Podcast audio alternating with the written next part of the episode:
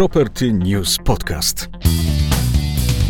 Za chwilkę wchodzi zmiana kodeksu pracy. W ramach tej zmiany m.in. zapisy o pracy zdalnej. Na pracodawców e, zostaną nałożone nowe obowiązki. Wiem, że firma Heinz w Stanach e, obserwuje ten rynek. No ja myślę, że Stany są zupełnie odmiennym rynkiem, choćby z tego powodu, że pracownicy najczęściej dojeżdżają z tak zwanych przedmieści do centrum, gdzie znajdują się wszystkie większe centra biurowe czy dzielnice biurowe, bo, bo w dużych miastach jest ich po kilka. Więc praca zdalna w, Stanach funkcjonowała już od, od dłuższego czasu. I myślę, że to wyzwanie, które dzisiaj stoi zarówno przed pracodawcami w, w Stanach, czy, czy, czy w innych krajach, w Polsce również, to jest jak przekonać pracownika, że warto wrócić do biura. W związku z czym te trendy, które są w Stanach, to jest postawienie na e, coś, co się szeroko nazywa wellness, czyli takie ogólne, ogólny dobrostan e, pracownika w, w biurze. Wprowadza się różnego rodzaju funkcje e, mieszane, gdzie to biuro już stanowi 70-80% powierzchni, reszta to są różnego rodzaju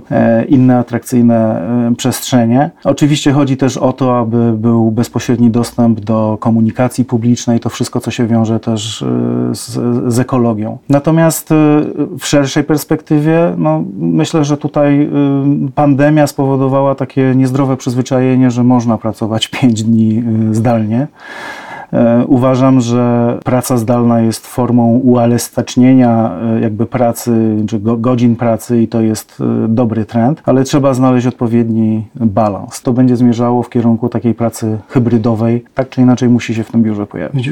Po dzisiaj rano tutaj w redakcyjnej naszej rozmowie troszkę się śmialiśmy, że te nowe funkcje w biurach, pokoje kreatywne, pokoje gier, relaksacyjne, różne sale, że właściwie za chwilkę przejmą całą funkcję biurową, ale mamy cały czas jednak e, tę warstwę kreatywną, e, mhm. ten moment, kiedy pracujemy z zespołem. Czy rzeczywiście biura i ta część pracy, która ma być e, na miejscu w biurach, da się jeszcze obronić i po co?